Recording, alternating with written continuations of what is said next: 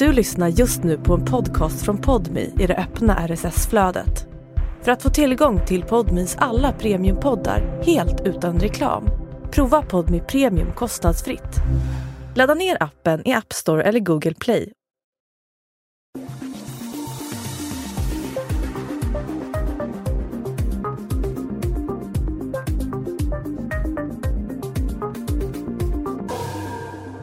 –2016 fick Lotta kontakt med en man på Facebook. Han uppvaktade henne med blommor och presenter men det tog inte lång tid innan en helt annan sida trädde fram.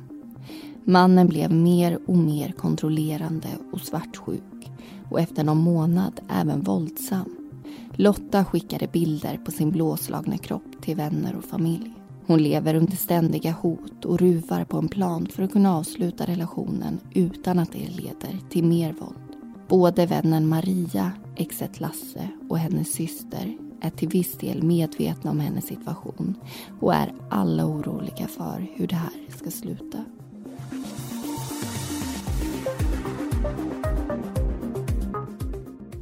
Du lyssnar på Mordpodden, en podcast om den mörka verkligheten. Det här är den andra delen om Lotta.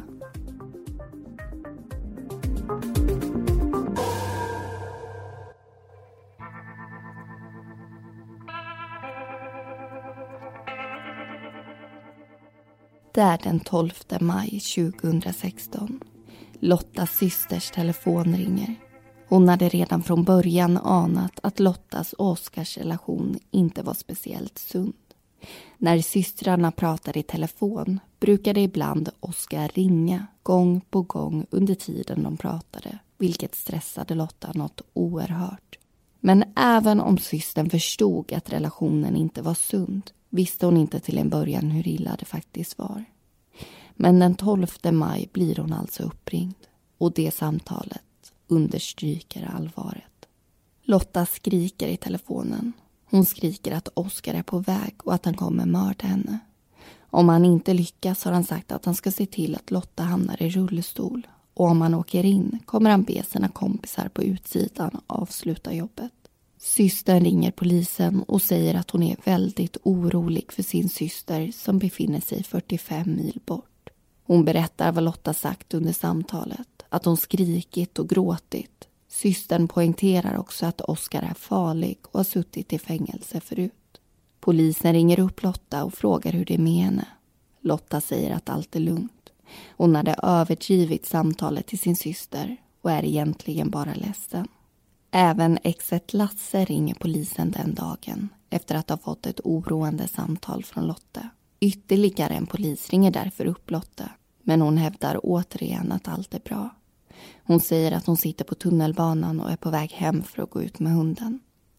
Polisen ringer upp Lasse igen och återberättar samtalet. Lasse förklarar att Lotta ljuger. Det stämmer inte att hon ska ut och gå med Eko. Han har nämligen full koll på var hunden befinner sig. Lotta arbetar på en skola. Hon hanterar fakturor, registrerar elever och finns tillgänglig i receptionen. De är inte så många anställda så hon får en nära relation med sin chef Lisen. Den 25 maj, när Lisen är på väg till jobbet, får hon ett samtal. Det är en man som ringer. Han säger att hon måste göra en polisanmälan. Lisen förstår ingenting och frågar vem det är hon pratar med. Mannen förklarar att han heter Oskar och att han tycker att Lisen ska ta sitt arbetsgivaransvar och ringa polisen. Annars gör han själv det. Lisen frågar vad det här handlar om. Du är väl chef för Lotta? säger Oskar. Hon sitter där och är hög på kokain bland alla barn. Lisen förstår på en gång att det är något som inte stämmer och att den här mannen förmodligen vill Lotta illa. Så hon tackar för informationen och avslutar samtalet. Hon ringer omedelbart upp Lotta och säger att Oskar har ringt och att hon inte får lämna jobbet. Herregud, har han ringt dig också? säger Lotta. Lisen skyndar sig till skolan och möter upp arbetskamraten som öppnar upp sig på en gång. Hon berättar om helvetet hon är fångad i och alla hot hon har fått. Under tiden som hon pratar ringer hennes telefon oavbrutet med ungefär 30 sekunders intervall. Det är Oskar som försöker kontakta henne. Lisen har aldrig sett en människa vara så rädd förut. Lasse får höra vad det är som har hänt och åker till skolan. Det bestäms att Lotta ska bo hos honom tills vidare. Samtalet till Lisen är inte det enda Oskar ringer den här dagen.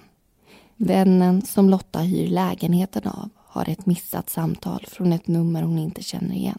Hon ringer upp. Mannen pratar väldigt högt och hon frågar vem det är. Mannen säger att han heter Oskar och att Lotta kommer ställa till det för henne. Så det är bäst att hon ringer och säger upp lägenheten hos hyresvärden på en gång. Sen avslutas samtalet. Det är uppenbart att Oskar gör vad han kan för att förstöra så mycket som möjligt för Lotta. Det här måste få ett slut. Lasse kör Lotta till polisstationen där hon öppnar upp sig helt. Hon berättar om hoten, om våldet, rädslan och att hon har bevis i form av bilder. Hon vill polisanmäla Oskar och upprätta ett kontaktförbud. Trots att hon berättar om mycket som hon har varit med om säger hon att det finns betydligt mer att säga. Men Lotta orkar inte gå igenom allt på en och samma gång. Polisen lovar att hjälpa henne. Men nästa dag kommer en besviken Lotta tillbaka till polisstationen. Hon har ändrat sig.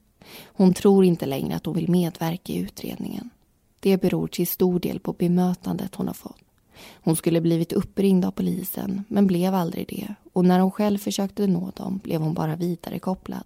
Så hon känner inte att hon har fått det sociala stöd hon vill ha och behöver. En patrull åker senare hem till Lasse för att prata med Lotta. De vill ha ett personligt möte med henne och förklara omständigheterna i ärendet så de kan förklara varför det olyckligt nog hamnar mellan stolarna. Lotta berättar att Oskar inte hört av sig under dagen och att hon hoppas det betyder att allt kommer passera om hon bara ligger lågt. Hon vet inte om hon vågar gå vidare med sin anmälan. Hon är rädd för vad Oskar kommer hitta på när han får veta att hon anmält honom. Och om han inte döms befarar hon att han kommer söka upp henne för att hämnas. Lotta berättar om Oskars svartsjuka och enorma kontrollbehov.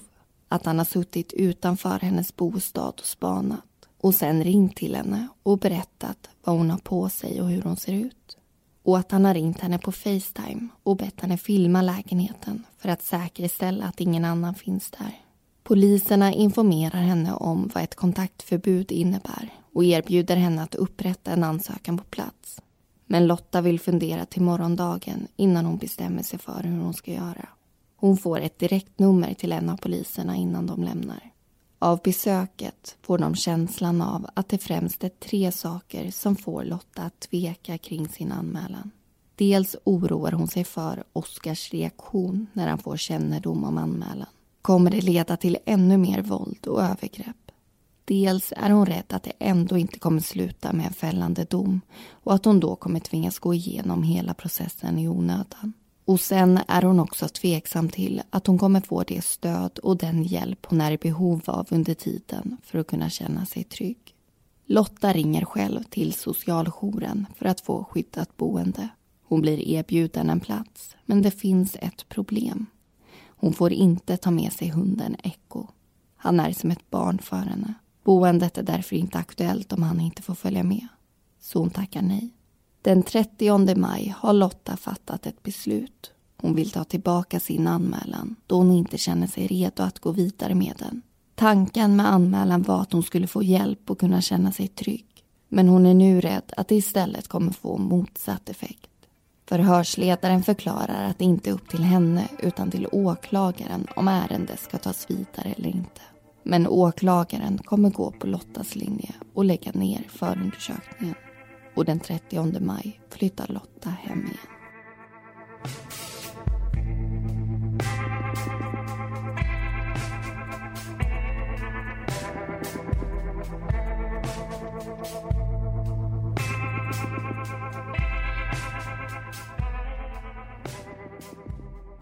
Då vill vi välkomna er tillbaka in i diskussionen. Vi har en del att ta upp de här kommande minuterna och jag tänkte att vi ska börja med ett ämne och också en organisation som vi faktiskt har nämnt i ett tidigare avsnitt men som vi tycker att det är värt att lyfta upp igen. Som ni hörde så tackade Lotta alltså nej till ett skyddat boende på grund av att hon inte fick lov att ta med sig sin hund. Och det här är faktiskt tyvärr ett ganska vanligt fenomen. För många så är ju husdjuren en familjemedlem och det är inte ovanligt att mannen hotar med att skada djuret om kvinnan lämnar. Så får då inte kvinnan ta med sig djuret så väljer många att avstå sin erbjudna plats. Men det finns faktiskt en lösning på det här som är bra att känna till. Och lösningen heter VOV, alltså V-O-O-V. Och det är en organisation som ger tillfälliga jourhem till djur så att våldsutsatta faktiskt kan fly. Och på det viset så hoppas de ju kunna underlätta det här uppbrottet för personer som lever med våld i en nära relation och se till att de inte hamnar i en situation som Lotta gjorde. Där man alltså tvingas välja mellan sin egen säkerhet och ens djur. Förkortningen VOV står för Veterinär omtanke om våldsutsatta och de samarbetar med polis, socialtjänst, länsstyrelser och föreningar och organisationer som möter våldsutsatta personer. Och det står också på deras hemsida att den våldsutsatta inte själv ska ta kontakt med VOV utan all kontakt går genom någon av de här aktörerna som jag precis nämnde. Men man kan själv kontakta Kvinnofridslinjen som vi pratade om i den förra diskussionen och genom dem då få information om vilka kvinnojourer som samarbetar samarbetar med VOV i regionen. Och någonting som kommer diskuteras mycket i den här domen och också i det här fallet, det är ju uppsåt. Den här relationen och Oskars våld mot Lotta, det kommer ju tragiskt nog leda till hennes död. Det är en misshandel som går för långt och vi kommer få höra mer om den i den sista berättelsen. Men frågan är ju alltså om Oskar hade som avsikt att döda henne. För det är ju väldigt stor vikt att få reda på vad det är som är anledningen för att fastställa just rätt påföljd. Och det finns inget som tyder på att han planerade att döda Lotta den kvällen utan han blev oerhört arg, oerhört snabbt och tappade alla spärrar. Men även om det inte var planerat så kan han ändå ha varit medveten om att våldet han utsatte henne för skulle leda till hennes död eller kunde göra det. Och därför finns det olika typer av uppsåt. Vid insiktsuppsåt till exempel så krävs ju att gärningspersonen någon gång under själva gärningen plötsligt förstår vad effekten kommer bli av ens handlande. Medan vid likgiltighetsuppsåt, som är den lägsta formen av just uppsåt, då har gärningspersonen varit medveten om risken för effekten och förhållit sig likgiltig inför den. Alltså ändå inte låtit risken utgöra ett skäl att avstå från, i det här fallet, en misshandel. Och tingsrätten kommer fram till att Oskar inte hade uppsåt att döda Lotta, inte heller insiktsuppsåt.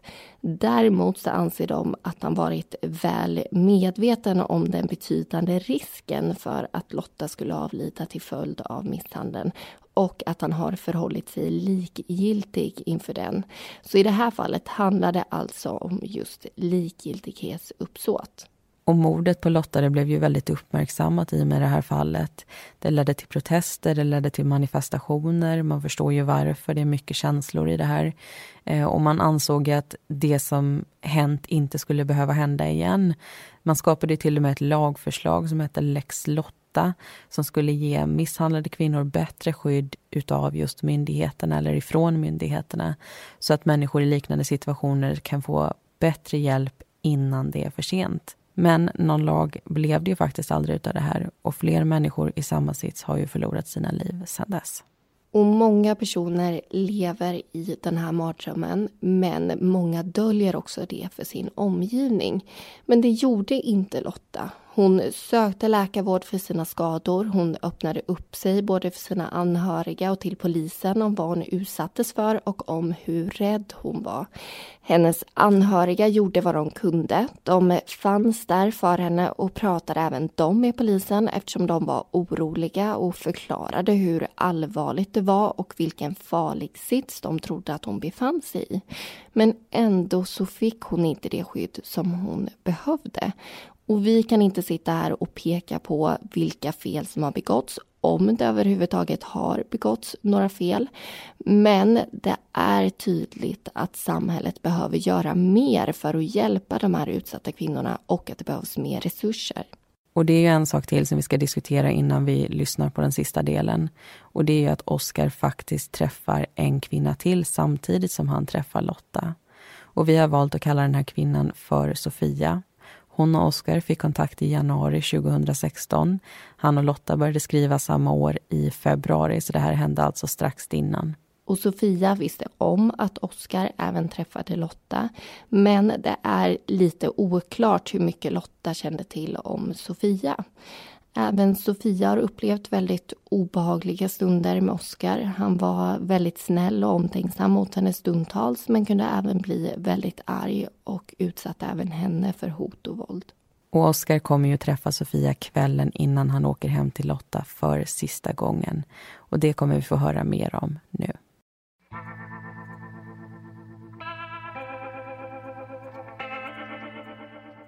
Under den sista veckan i Lottas liv söker Oskar vård för sitt missbruk och psykiska mående. Lotta följer med.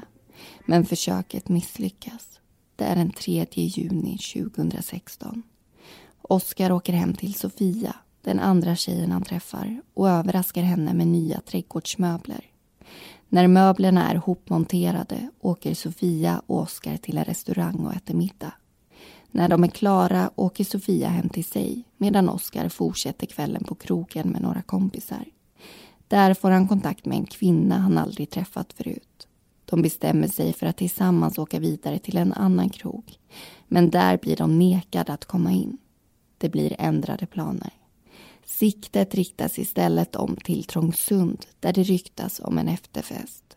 De åker dit. Men det är inte riktigt vad de föreställt sig så de ringer efter en taxi. Tidigt på morgonen den 4 juni får en taxichaufför en körning via textmeddelande. Det är oklart vad det är för kunder och hur många de är. När han kommer fram ser han en man och en kvinna som pratar och skrattar. De hoppar in i baksätet när chauffören stannar bilen. Mannen säger att han inte har så mycket pengar och frågar vad det kommer kosta. Chauffören säger att det är taxameten som avgör det och färden påbörjas. Kvinnan ska till Solna och mannen till Bromma. I Sköndal gör de ett snabbt stopp på en drive-in till en hamburgerrestaurang. Fem stycken cheeseburgare beställs. I Solna kliver sen kvinnan av. Mannen sitter kvar i taxin och färden fortsätter vidare till Bromma. Han betalar kontant och säger till chauffören att han kan behålla växeln. Sen går han upp mot lägenheten. Lottas lägenhet. Klockan är 05.10. Taxin lämnar. Lotta ligger och sover när Oskar knackar eller ringer på dörren. Hon sveper täcket om sig och går och öppnar. Att hon väljer att släppa in honom är inte så konstigt med tanke på sms-konversationen som ägde rum dagen innan.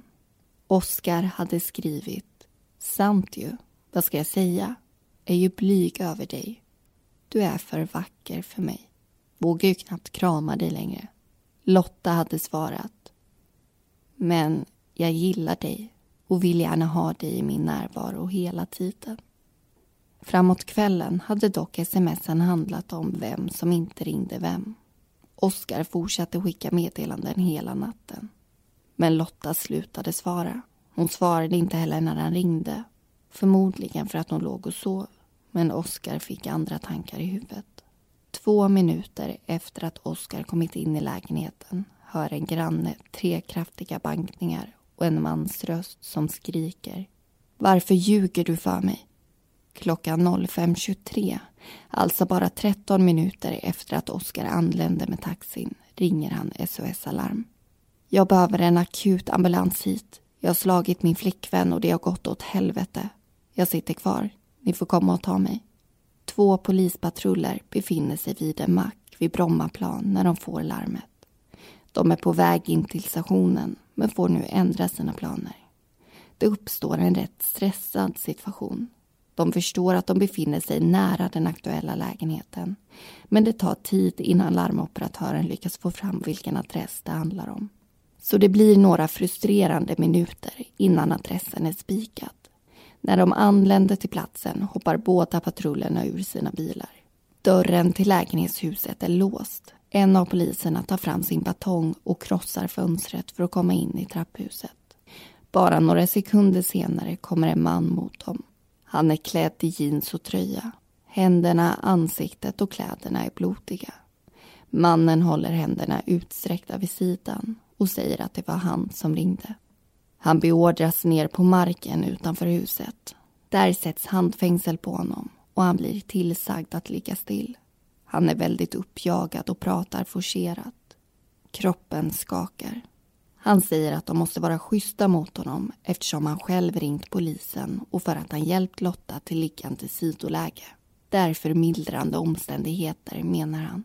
Oskars händer är påtagligt blodiga och svullna, speciellt den högra. Det är en fruktansvärd syn som möter poliserna in i lägenheten. Lotta ligger på golvet. Trots att de förstår att det är illa kan de höra rosslande andetag så hon körs i ilfart till Karolinska sjukhuset. Där opereras hon omedelbart och kämpar för sitt liv. Vänner och familj vakar vid hennes sida. Men efter tre dagar på sjukhus går Lotta bort.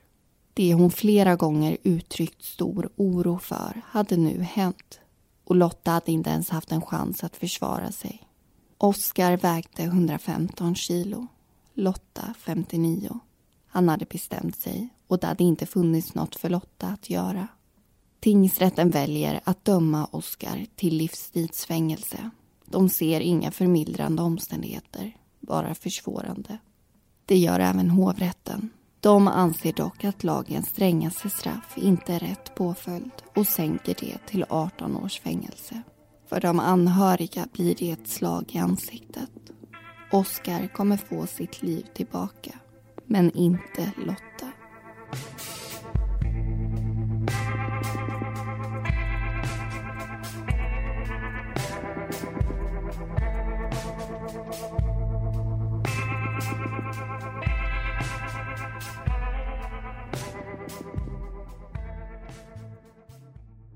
Det var allting vi hade att berätta om Lotta. Alla personer förutom Lotta heter egentligen någonting annat och informationen är hämtad från domarna i fallet och förundersökningsprotokollet. Nästa vecka är vi tillbaka med ett nytt avsnitt. Missa inte det.